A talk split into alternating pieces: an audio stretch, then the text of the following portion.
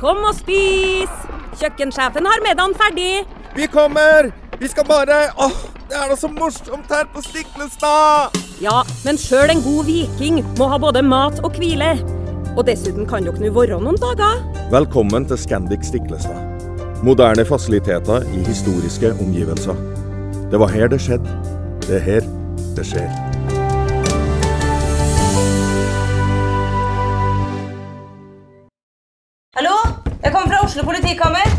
Ine Jansen er purk. Er du purk? The motherfucking bitch. Alt jeg vil, er å finne ut hva som skjedde med mannen min. Jon Carew. Er jeg sikta for noe? Iben Akeli. Det er du. Ole So, Lars Berrum og Big Daddy Karsten. Hvem sin side er du på, egentlig? Anette Hoff, Tone Danielsen, Kommer du fra Afrika? Jørnis Josef, Nesten. Kløfta. Trond Espen Seim, Det er synd å si det, men det var feil mann som døde. Purk. Premiere tirsdag på TV2 Play.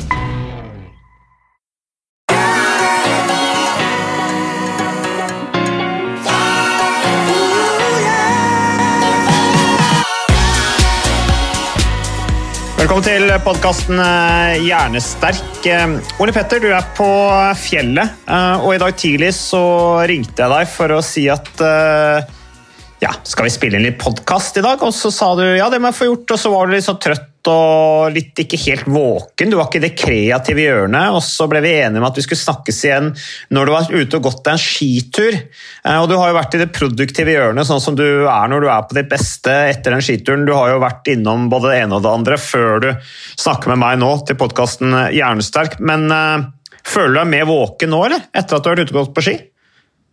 Ja, vet du hva. Du, du, du tok meg på senga der da du ringte. Jeg, ehm, da var jeg stuptrøtt. Jeg tror faktisk du vekket meg. Og det er sjelden jeg blir vekket klokka ja, Klokka var vel over ni, var det ikke det? Jo, det var det, så jeg hadde ikke sånn dårlig samvittighet for å ringe deg. Det hadde jeg ikke, men, eh, men det er klart at alle har jo godt av å sove ut litt en gang iblant. Så jeg er glad du fikk sovet ut, altså. Ja, jeg snakker veldig mye om gevinsten av søvn, og så er jeg ikke alltid like god til å følge de rådene selv. Så i går så tenkte jeg nå skal jeg faktisk sove til jeg våkner av meg selv. Men så hadde jeg glemt å slå av vibrasjonen på telefonen, så da du ringte, da våkna jeg jo. vet du. Ja, Men da var det på tide å stå opp, for du kan jo ikke ligge og dra deg hele dagen. Nei, man kan ikke det. Man har ting man skulle gjort. Så da ble det en eh, times skitur i fantastisk eh, vinterterreng. Jeg er sammen med en kompis her, så vi bestemte oss for at vi er litt lei av vanlig hjemmekontor. Så vi kjører nå hjemmekontor med GJ eh, en dag. Så, eh, så det var helt nydelig. Men nå Ja. føler jeg meg mye piggere, og, og på kanten til å være litt kreativ, faktisk. Ja, men Så deilig, for da har du noe til felles da med disse greske filosofene som underviste eh, mens de var ute og gikk med elevene. Du hadde jo Søren Kierkegaard som beskrev hvordan han eh, brukte fysisk aktivitet til å gå fra seg tunge tanker.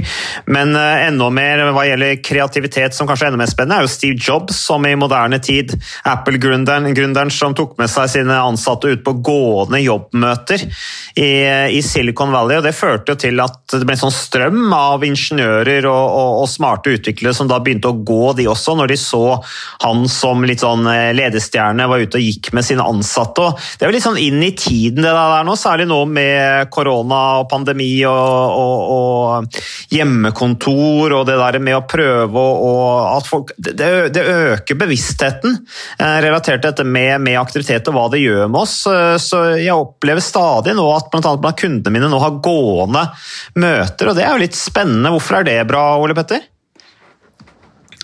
Jeg syns det er veldig interessant det du nevner der, Mats. Dette med at nå begynner folk å, å, å se effekten av det å bevege seg, altså på, på alle disse tankemessige funksjonene som vi trenger i hverdagen. Bl.a.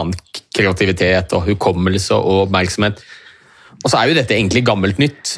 Du hadde noen veldig gode eksempler på berømte personer, for eksempel, som for flere hundre år siden eh, nevnte dette at med en gang du begynner å bevege kroppen, så beveger tankene seg, og du stimulerer til kreativitet og bedre humør.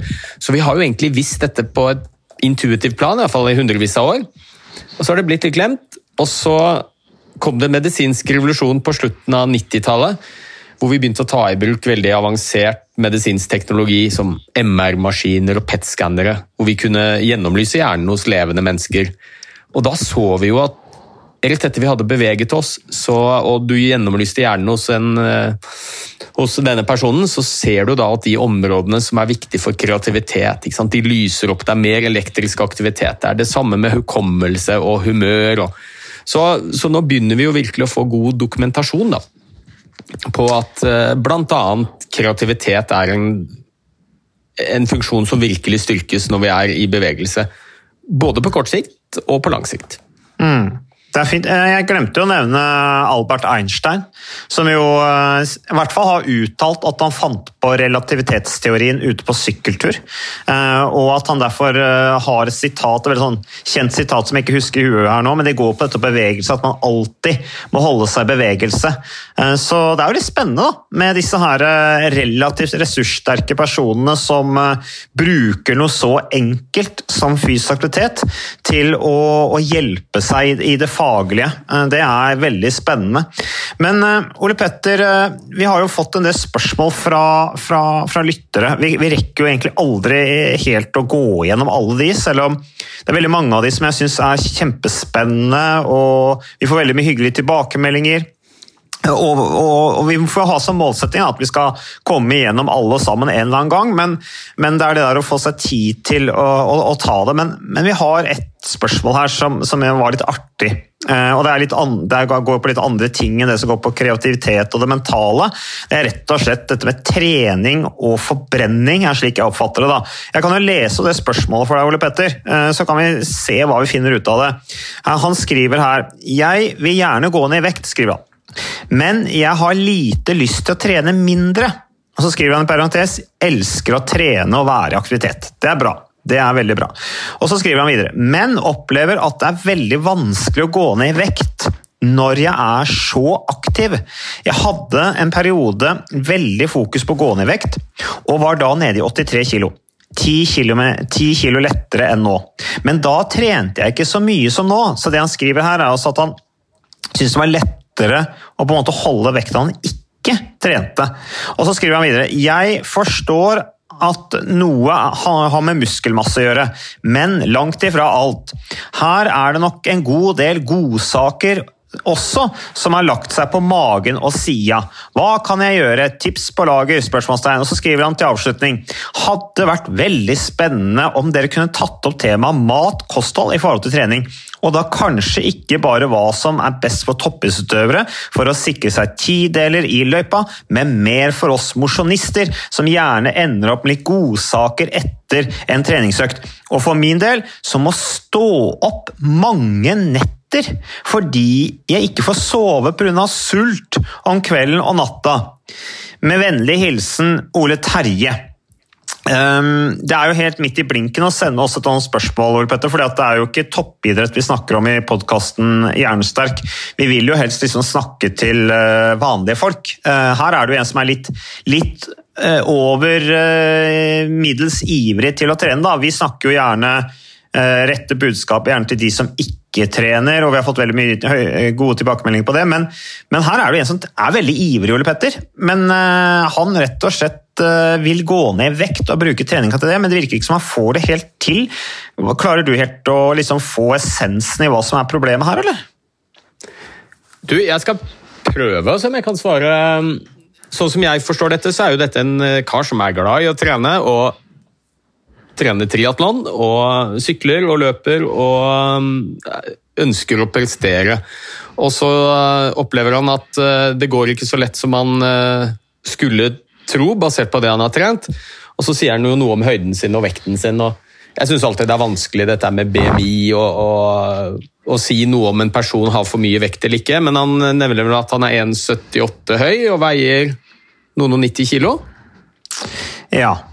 Uh, det nå, husker, nå, ser ikke jeg akkurat hvor det står, men uh, han har i hvert fall vært nede i 83 kilo, 10 kilo lettere enn nå. skriver han. Så det er 93. Ja, så det stemmer det. Det er med enkel matematikk.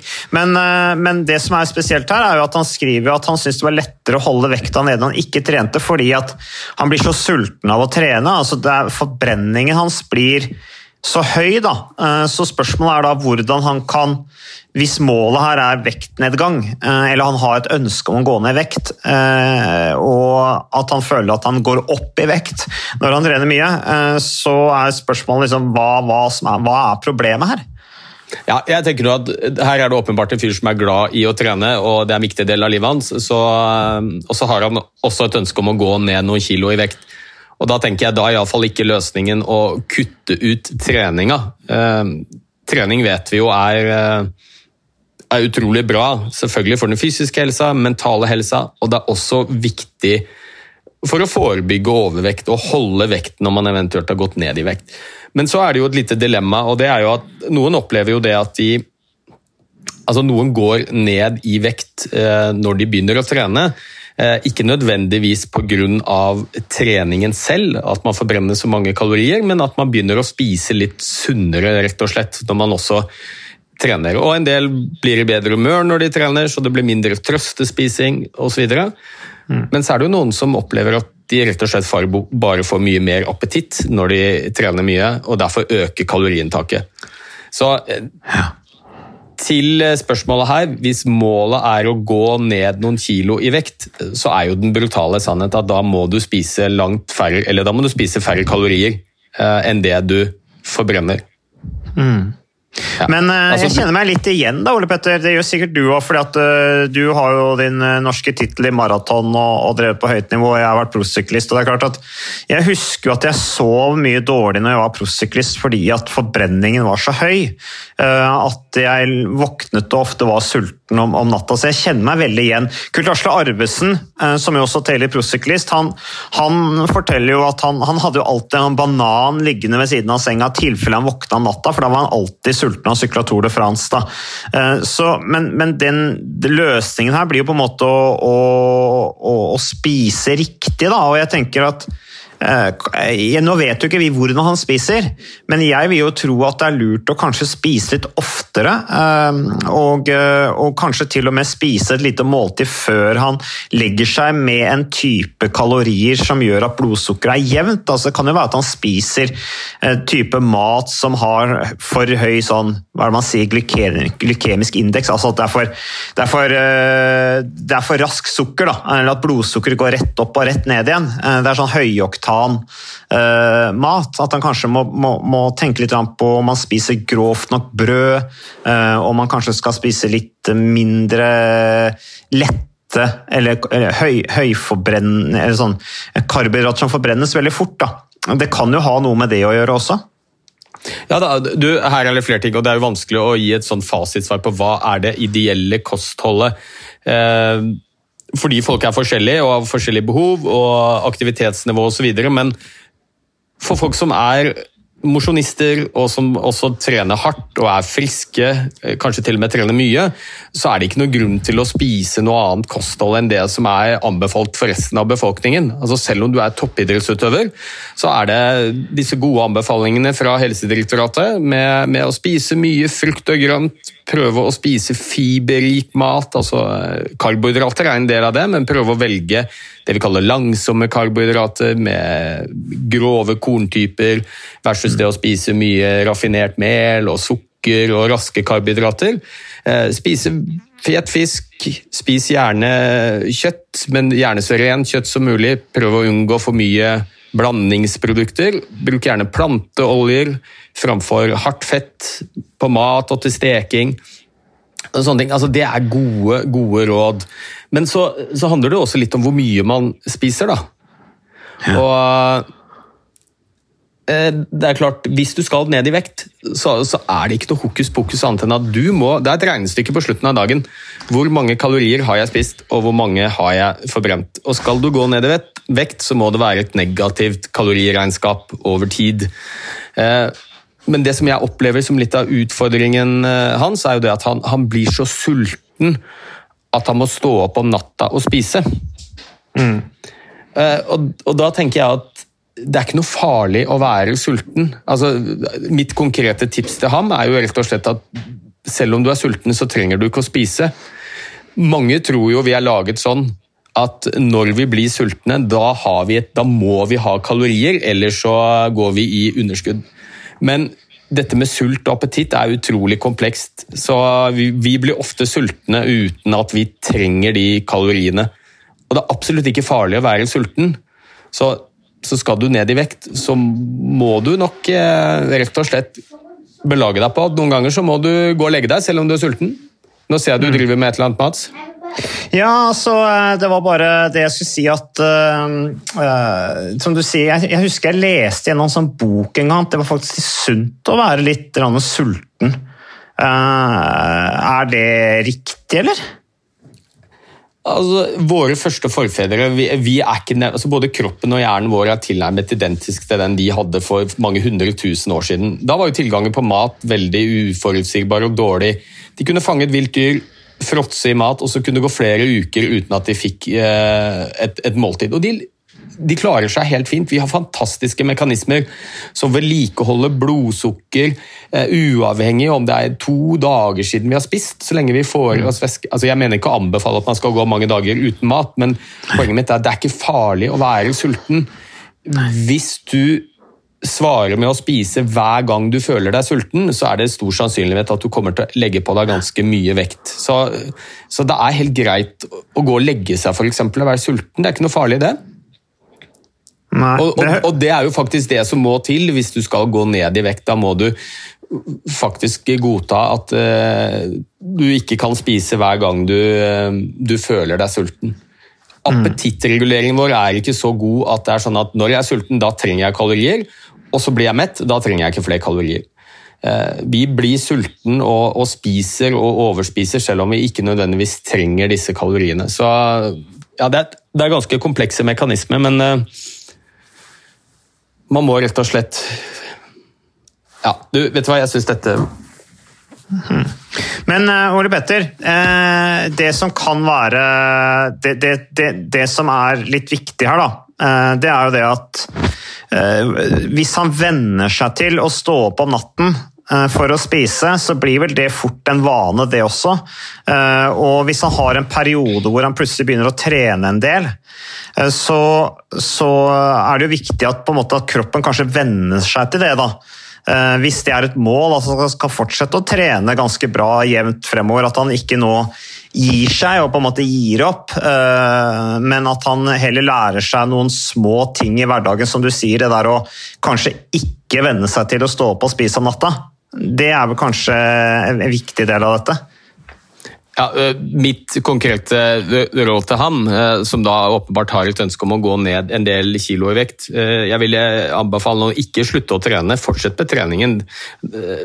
Trening er bra på alle mulige måter, også for å holde vekt. Men det, det jeg ville gjort, var jo rett og slett å, å, å lage en liten plan med struktur når man spiser kanskje fem måltider i løpet av en dag, altså tre hovedmåltider, et par mellommåltider spise regelmessig, eh, og ikke spise utenom selv om man føler seg sulten. Og absolutt ikke stå opp om natta eh, og begynne å spise. Altså, det som skjer da, er jo du får jo på en måte en dobbel straff, hvis du kan kalle det det. Da. Det ene er jo at du, du prøver å gå ned i vekt, og så ender du opp med å spise på natta når du egentlig skulle sovet, så du får i deg flere kalorier. Og to, du taper søvn. Som vi har snakket om tidligere, så vet vi at for lite søvn det gjør at du blir mer sulten og føler mindre metthet. Sånn at da, da får du en, egentlig en dobbeltstraff. Du får i deg ekstra kalorier, og så får du for lite søvn, som gjør at du sannsynligvis blir enda mer sulten. Mm. Men liksom, hovedpoenget mitt her, da, som jeg hører hos veldig mange, de, de, er så redde for å være sultne. Eh, og folk som trener også, som sier det at vet du hva, eh, jeg skal trene en økt om noen timer, men jeg kan ikke gå ut og trene før jeg har spist en stor frokost. Jo, altså selvfølgelig kan du det. Eh, mange eksempler på det. Idrettsutøvere som konkurrerer på verdensnivå, som kanskje har konkurransestart midt på dagen klokken tolv og har ikke spist siden kvelden før. Altså, vi har fantastiske mekanismer som gjør at vi til enhver tid har et tilstrekkelig blodsukker, og så lenge du ikke er tom for karbohydrater, så det er, det er slett ikke farlig å hoppe over frokost heller og ta seg en treningstur. Eh, mye av dette tror jeg handler om vaner. At man er så Man føler seg sulten, og da tenker man at nå må jeg ha energi, ellers så klarer jeg ikke å fungere. Men vi klarer helt Ukas annonsør det er HelloFresh. Og uh, hvis du nå går inn på hellofresh.no og bruker koden 'fresh hjerne', så kan du få opptil 1779 kroner rabatt på da de fem første matkassene dine hvis du ikke har prøvd Hello Fresh enda. Og Ole Petter, vi er jo glad i Hello Fresh i podkasten Jernsterk, selvfølgelig fordi at de er en annonsør. De er med og bidrar til å spre det glade ordet om fysisk aktivitet og god helse, men i tillegg så har jo vi også nå lang erfaring med Hello Fresh selv. Så vi må jo si at det har vært gode erfaringer til nå. Ja, absolutt. Visste du Mats, at HelloFresh det er faktisk verdens ledende matkasseleverandør? Og tilbudene til HelloFresh gjør det enkelt å lage gode og varierte retter som skaper matglede. Og matglede vet du, det er like viktig som hva du putter i munnen. Det å spise mat med folk du trives med. Så gjennom 25 nye og inspirerende retter hver uke så bidrar HelloFresh til dette. Du kan bestille ekstra porsjoner om du får gjester, eller hoppe over uke hvis du f.eks.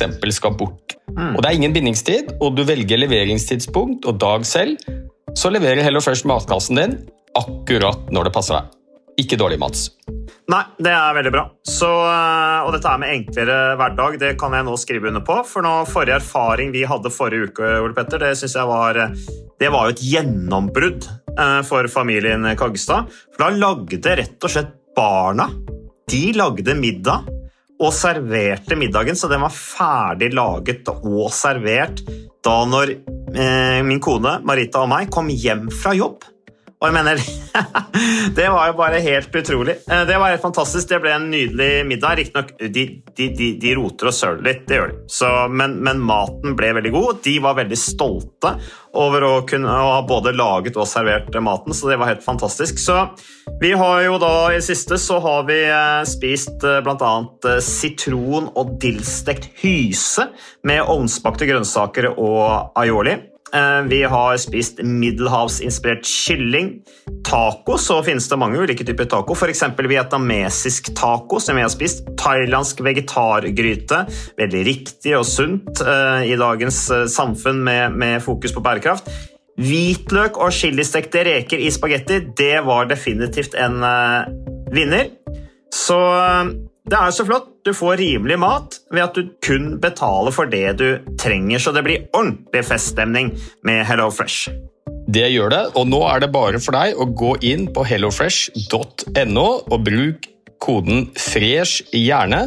Da får du opptil 1779 kroner rabatt på de første fem matkassene dine hvis du ikke allerede har prøvd HelloFresh. Du kan også bruke rabattkoden hvis du har stoppet abonnementet ditt for tolv måneder siden eller mer. Er det noe å lure på? Håper maten smaker godt. Bon appétit! Fint å fungere, eh, selv om vi er sultne. Jeg også opplever det at mange er veldig redde for å bli litt sulten. Eh, at de liksom de, de, kan ikke, de, kan ikke, bli med på ting fordi at eh, de må ha mat tilgjengelig. Og det blir jo litt sånn, Da blir det litt sånn tvangstrøye, tenker jeg. Og, og det du sier med å å dra på en treningsøkt selv om man ikke har spist. Altså, det er jo ganske mange som tar seg en morgenøkt før frokost. Eh, og kan jo ha, det, det, jeg har det selv noen ganger innimellom, og det gir jo god gevinst for meg. Det, men det er klart at hvis du har en lang dag med høyt tempo og du ikke har spist noe særlig, eh, så kan det være kanskje lurt å sette litt mindre krav til den treningsøkta du skal gjennomføre på dagen eh, hvis ikke du har spist. Da. Eh, jeg tenker at Du vil jo få mer igjen for økta hvis du har fått i deg noe. Eh, sånn at ikke kroppen skal, eller muskulaturen skal, skal jobbe på, på, et veldig veldig tynt ernæringsgrunnlag. Det tror jeg kan være, være, en idé. Men en annen ting som jeg, som jeg bare tenkte på når du snakket her, Ole Petter, er det der, Jeg husker For et par år siden så var det en sånn diskusjon om liksom, hva skal man gjøre. Skal man skal man eh, spise annerledes, eller skal man eh, trene? Og Jeg synes det var en helt latterlig diskusjon, fordi da var det snakk om vektnedgang. da. Og så var Det liksom, det som da skjedde, var jo at da, da ble på en måte fokuset ble at ja, trening det handler om å gå ned i vekt.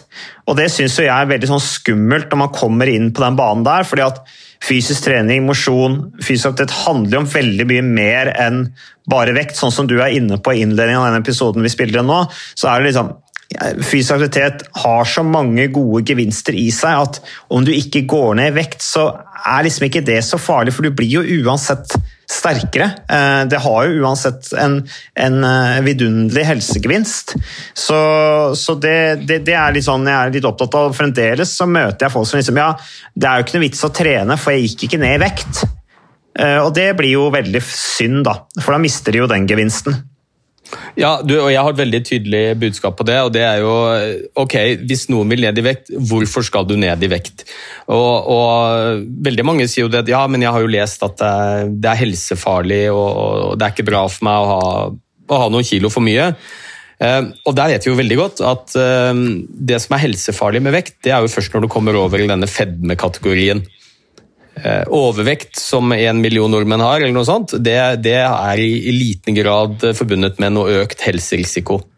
Sånn at eh, for de som tenker helse, så sier jeg ofte at istedenfor å prøve å pinne deg ned noen kilo, og dette har jeg sagt mange ganger, istedenfor å prøve å pine deg ned noen kilo, som er fryktelig vanskelig, så, så prøv heller å holde deg på den vekten du er, ved å leve sunt, eh, sove nok, trene, Eh, spise fornuftig, sånn at du unngår å gå opp i vekt og kanskje ender opp i kategorien fedme, som virkelig kan øke risikoen din for å få sykdom. Mm. Men her har vi jo en person som åpenbart har et ønske om å prestere. Han, han, skjønner ikke helt hvorfor han ikke eh, presterer sånn som han hadde tenkt han skulle, basert på hvor mye han trener, og så sier han jo selv at eh, han har en del kilo ekstra. Så så hvis målet hans er å gå ned noe i vekt for å prestere bedre, så, så er mitt budskap tydelig. Altså, da, da, må du rett og slett spise færre kalorier. Og, og dette er litt som å banne i kjerka, det vet jeg. Uh, men jeg, når jeg har pasienter som uh, har et sterkt ønske, og kanskje helsemessige årsaker om å gå ned i, i vekt, så sier jeg det man av og til kan gjøre, er jo å, å faktisk hoppe over et måltid og få færre kalorier i løpet av dagen.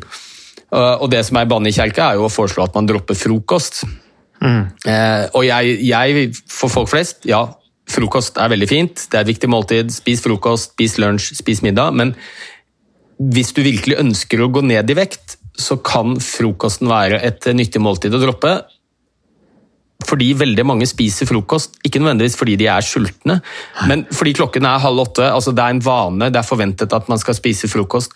Så våkner du om morgenen og ikke er sulten, så kan du fint gå på jobb, du kan trene deg en tur, og så tar du kanskje første måltid klokken elleve eller mm. klokken tolv. Um, Forutsatt at du da ikke overspiser resten av dagen, så kan det å droppe et måltid eh, faktisk være en god måte å gå ned i vekt på. For de som trenger å gå ned i vekt. Eh, nå er det de jeg snakker om.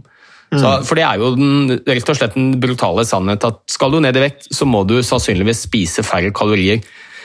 For det er Trening er, er gram, og mat er, er, kilo når det gjelder vekttap. Så da må du rett og slett gjøre noe med inntaket ditt. Mm. Ja, Nei, Det var jo et konkret tips. da, Som, eh, som du sier, det er, ikke, det er jo et, det er et uvanlig råd, eh, Ole Petter, men det kan være et godt råd. og Jeg er helt enig med deg i det du sier, at eh, frokosten er, liksom, er noe alle skal spise. for Det er liksom sånn vedtatt eh, sannhet at sånn, det er et bra måltid. Dagen starter med frokostbordet. husker jeg Det fikk vi vite, det, det ble vi fortalt når vi var idrettsutøvere også, at liksom, økta starter med frokostbordet. Eh, men, eh, men, for liksom, i, i, nå i en annen livssituasjon, en annen hverdag så er det klart at Jeg kunne gått ganske lenge uten å ha spist frokost og fremdeles prestert eller hatt en uh, grei hverdag, tror jeg, fram til, til første måltid. Så det er et godt poeng. Men du Ole Petter, jeg har ett spørsmål. Ja, hva skal du si? Nei, du, jeg skal jo bare være helt sikker på at uh, dette kommer ut riktig. og det er jo For folk flest så anbefaler jeg selvfølgelig å spise frokost. og Det er mange grunner til det. Det ene er jo eh, næringsinntaket. Det andre er jo at det er en sosial ramme som er viktig for oss, og matglede, og ofte familier som møtes rundt frokostbordet osv. Så videre. så, så men hvis målet ditt er å gå ned i vekt, hvis det er viktig for deg, eh, f.eks. av helsemessige årsaker eller prestasjonsmessige årsaker, du har noen kilo for mye, så er det en effektiv måte å kunne gå ned i vekt på, er å droppe et måltid. For du må rett og slett spise færre kalorier hvis du skal gå ned i vekt. Og på et eller annet sted må du ta disse kaloriene fra. Og, og, og da opplever iallfall jeg at det er ganske mange som sier at Ja, de spiser frokost, men de føler seg egentlig ikke så sultne. De gjør det av gammel vane. Og er du ikke spesielt sulten på morgenen og ønsker å gå ned i vekt, så kan det være noe man kan forsøke. Dropp frokosten, og så spiser du den heller litt seinere på dagen. Alternativt så må du jo gå gjennom hva du spiser, og eventuelt gjøre små justeringer på det og bruke litt tid på det. Så vi tenker vi har avslutta det temaet der nå, Petter. Men bare et spørsmål her som jeg syns også var litt spennende. Eh, sovepuls. Altså, hei, står det. Digger podkasten deres, takk for det. Lurer på om dere kan snakke litt om hva som er normalt å ha i puls når man sover. Og så kan jeg bare lese ferdig spørsmålet her. Jeg har en Garmin-klokke som jeg sover med om natten, og den måler bl.a. pulsen. Tidligere i år har pulsen vært på gjennomsnitt 50 i hvilepuls, men nå er den 65. Det skal sies at jeg trente med kondisjon, kondisjon, tidligere, så det har nok en sammenheng med det. Nå trener jeg med styrke. Kjæresten min har samme klokke, og der går alarmen på klokken fordi han får en hvilepuls, eller når pulsen er under 40 om natten. altså Klokken har en grense på 40. da. Han er ikke topptrent, men trener litt nå og da. Han trener også styrke for det meste. Hadde vært interessant å høre hva dere tenker om dette. Hva tenker du om det her, Ole Petter? Eh, nå ble jeg litt usikker på hva jeg skulle tenke nå, om det var, det var en uh, om hvilepuls og, og, og søvn. Hvilepulsen hadde gått opp. Ja, Det kan være sammensatt, det her. da. Eh, for det første så Hvilepuls er jo veldig individuelt. Noen har lav eh, hvilepuls, noen har høy hvilepuls, uten at det nødvendigvis er noe faresignal. Men altså er man godt trent, så får man jo et stort hjerte, og da, da får man jo lavere hvilepuls hvis ikke jeg er helt på bærtur altså, og hvilepulsen stiger jo også med alderen, ikke sant? det gjør den jo. Jo eldre du blir, jo, jo høyere hvilepuls får du, og jo lavere makspuls får du, så du får jo mindre sånn rom å bevege deg på rent pulsmessig jo eldre du blir. Men her er det altså en som da hadde 50 hvilepuls, som tydeligvis ligger og er veldig systematisk med å følge den hvilepulsen om natta, og nå er den plutselig 65. Men nå, altså er det da over en lengre periode, er det en kort periode? altså Altså, Hvilepulsen den, den, varierer jo litt. Altså, hvis man har hatt en stressende dag, hvis, er, eh, hvis man kanskje har litt, eh, litt, småsykdom i kroppen altså, Det er mange ting som kan påvirke pulsen. Har du drukket alkohol om kvelden? Altså, det, her, der, her er det veldig vanskelig å gi et svar, Ole Petter. Ja da, Det er jo akkurat som du sier at hvilepulsen den, den blir lavere jo bedre fysisk form du har. Altså, det er jo rett og slett et eh, signal om hjertets eh, pumpeevne. For det er jo sånn, Når vi trener, så blir hjertet vårt eh, mer effektivt. Vi klarer å pumpe mer per slag. Hjertet blir sterkere. og Da behøver vi ikke like mange pulsslag. Vi skal pumpe en viss mengde blod rundt i hvile, det er ca. fem liter. Og hvis du, er, hvis du er i ekstremt god form, så kan du pumpe ekstremt mye blod per slag, så da klarer du deg kanskje med 30 slag i minuttet. Det er jo toppidrettsutøvere som er helt nede i 30 i hvilepuls. Mm. Mens en vanlig trent person kanskje pumper halvparten så mye per slag. og Da må de ha 60 slag for å pumpe samme mengde blod rundt. Så ja, jo sterkere hjerte du har, um, jo bedre fysisk form du er, jo lavere hvilepuls kan du klare deg med. Men den varierer jo veldig. Og skal du virkelig måle den, så bør du gjøre det under kontrollerte former. Det er klart En sånn klokke du har på deg på håndleddet, det er ganske mange ting som påvirker. Eh, og Det å måle hvilepuls mens du sover, det er for så vidt helt greit, det. Men det kan jo være bevegelse, altså at man beveger på seg mens man sover. Det kan være drømmer, det kan være veldig mye som påvirker den hvilepulsen. Så man skal være litt forsiktig med å trekke noe bastant konklusjon. Uh, og si at ok, nå er den plutselig Jeg tror jeg hadde lagt fra meg den eh, pulsklokka en periode. Ole Petter, Hva tenker du om det? Blir ikke det bare mentalt stress, hele greiene? Jo, jeg tenker at hvis man opplever noe ubehag, at man har hjertebank eller føler uro og sånne ting, og er bekymret for at det er noe med at pulsen er annerledes enn den har vært, så, så, så ville jeg tatt meg en tur til fastlegen. Uh, Istedenfor det er jo veldig kult med mange av disse digitale verktøyene vi har, og smartklokker, og, men det, det, kan fort bikke litt over tror jeg, for noen, for det er så utrolig mange ting du kan måle. Og mange av de tingene du måler på disse klokkene, er ikke veldig nøyaktig. Så nå kan vi jo plutselig måle oksygenmetning, altså hvor mye oksygen vi har på de røde blodcellene. Vi kan måle oksygenopptak med klokka, vi kan måle søvnkvalitet. Eh, altså Gudene vet hva vi ikke kan måle lenger. Det som kalles body battery, og hvor lang restitusjonstid du har. og veldig mange av disse målene er relativt unøyaktige og beheftet med mange usikkerheter. Så mm, hvis man tar alt dette for god fisk, så blir man fort litt bekymra, da. Ja. Ja. Plutselig så, altså Jeg har jo så mange som ringer meg som sier at de har vært ute på en treningsøkt, og så plutselig viser pulsklokken at de har 390 i puls. Ikke sant? Og så ringer de meg og spør om det er farlig. Og så sier jeg ja, men hadde du hatt 390 i puls, hadde du vært død. Eh, for det, da har du hjerte, altså, det vi kaller ventrikkelflimmer. Da dør du. Så, så det er nok bare en feil ved klokka di. Så, Ja, for det er så mange feilkilder. Så ja. Du kan passere en høyspent mast, ikke sant? Det kan påvirke pulsen. Jeg gjorde i hvert fall før, det er mulig det ikke er sånn lenger nå, men jeg husker når, du, når, når vi sykla før og den, de tidlig, den tidlige teknologien med polarklokker osv., så, så var det sånn vi, Når vi sykla forbi toglinjer, f.eks., så steg jo pulsen. Så det, det er liksom Ja, det er som du sier, jeg er helt enig, man skal være litt forsiktig med det, ikke, ikke nødvendigvis måle alt. Jeg tenker på dette her med søvn, da. altså Trenger man egentlig å ha klokka på, på armen om natta, liksom? Du, for, å, for, å, for å sjekke om du har sovet godt. altså Hvis du trenger en klokke for å sjekke om du har sovet godt, da betyr vel det kanskje at du har sovet godt, da. For da har du liksom ikke tenkt noe. Altså, jeg trenger ikke en klokke for å vite om jeg har sovet godt om natta. Altså, det kjenner jeg veldig fort på meg sjøl når, når jeg våkner neste morgen. eh, om jeg har vært urolig om natta eller ikke. Så det, og det, akkurat som du sier, Ole Petter, det er disse feilkildene, og hvor nøyaktig er egentlig disse klokkene? Eh, Det, det, er, det kan man sette spørsmålstegn ved. Altså. Så ikke bekymre deg for mye på det at pulsen din har gått litt opp, eh, kjære lytter som sender inn spørsmål her. Så, eh, og og jeg, den der grensa på 40 på, på mannen hennes som, eh, som også ligger med klokka om natta, det er vel Er det noen grunn til å ha en sånn alarm på armen og vekkes av den fordi pulsen synker under 40? Hva tenker du om det, Ole Petter? Nei, Nei, hvorfor skulle det være det? Det ville jo tenkt jeg er jo helt meningsløst. Eh, Det er jo ikke noe farlig. Altså, Er du frisk, så er jo en puls under 40 er jo et sunnhetstegn. Altså, jeg, jeg har veldig lav hvilepuls. Jeg har hvilepuls på par og 30. Eh, da ville jo jeg ligget våken hele, hele natta, ja, det er fordi klokka mi peip. Det er ikke noe farlig for en frisk person å ha lav puls. Det er bare tegn på at hjertet er i god form.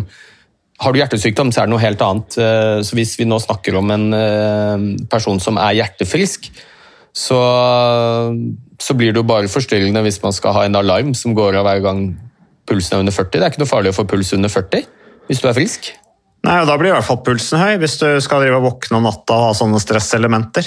Så, så, men, altså jeg husker I gamle dager så var det jo når EPO-en kom som dopingpreparat på, på begynnelsen av 90-tallet, så var det jo, brukte man jo pulsklokke for å passe på altså Da satte man jo på alarm på pulsklokka fordi at eh, man var redd for at blodet skulle sant, slutte å strømme, eller at hjertet skulle stoppe. sånn at Hvis pulsen sank under en, et visst nivå, så satte man på alarmen sånn at man måtte reise seg opp, bevege seg, ta blodfortynnende og sånne ting.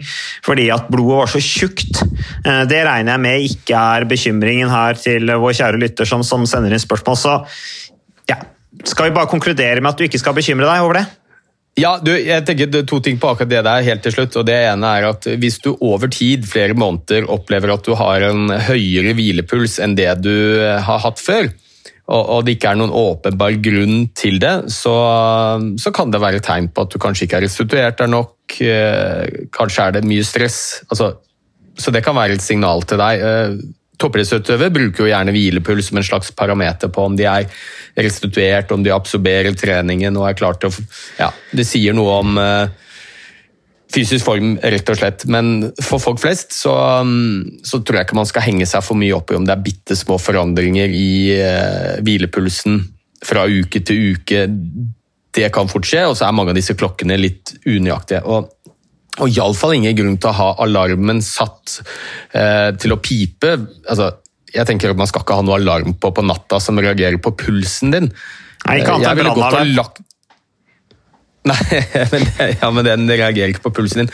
Altså, hvis du begynner å komme til en situasjon hvor du har masse alarmer som slås på i tilfelle pulsen går hit eller dit, eller pustingen går hit eller dit, eller, altså, da kommer vi jo ikke til å få sovet i det hele tatt. Det viktigste er jo å få sove. Så, og for en frisk person så er lav puls bare helt supert. Så er det under 40 i puls, så er det tegn på at du er i god fysisk form. Det er selvfølgelig forutsatt at du ikke har en hjertesykdom eller står på hjertemedisiner. Da blir bildet langt mer komplisert. Men for friske folk, ikke slå på noe alarm eh, som forteller deg at pulsen blir for lav eller for høy på natta. På natta skal du sove. Ja, og Angående det der med, med puls altså Jeg husker når, vi, når, jeg var på samlinger før, uh, og da førte jeg gjerne statistikk på hvilepulsen. ikke sant? For du, du, du, du, gjør alle sånne detaljer da, uh, og blir veldig opphengt i sånne ting. Og Så var det en dag jeg hadde høy hvilepuls, og så da tenkte man å, det, da har jeg et dårlig utgangspunkt. Og Så ble jeg litt sånn nedtrykt av det, men så dro vi ut og trente, og så hadde jeg jo egentlig en superbra dag. Så liksom, Man, man må jo ikke, man må ikke liksom innbille seg at Eh, eller ta de der små signalene der for, for alvorlig heller, tenker jeg. Eh, det, det, er ikke nødvendigvis eh, noen grunn til å bekymre seg over det. Nei, og det er, det er jo mange som sier det, men det er veldig viktig å lytte til kroppens signaler når man skal bestemme seg for fysisk aktivitet. Er du virkelig nedkjørt, så skal du ta det litt med ro. Men jeg tror jo faktisk det er et større problem Eh, på befolkningsnivå at vi lytter litt for godt til kroppens signaler. Vi tenker at nei, nå er jeg sliten, nå bør jeg kanskje ikke gå ut og trene. Nei, nå er jeg sulten, nå må jeg spise. Altså, og nå når vi har alle disse elektroniske verktøyene også, så får vi jo så mye input eh, med puls og pustefrekvens og søvn. og Skal vi begynne å lytte til alt det der, så tror jeg det blir vanskelig å komme seg ut og få beveget seg. Ja, eneste gangen eller når jeg virkelig tar den klokka på alvor, det er når den piper fordi jeg har sittet for lenge stille. Så takk for eh, at du lyttet på podkasten Hjernesterk. Takk for at du ble med fra hytta, Ole Petter. Og så ønsker jeg deg en eh, god helg og videre god vinterferie. I like måte, Mats. Takk, takk. Og til alle som lytter.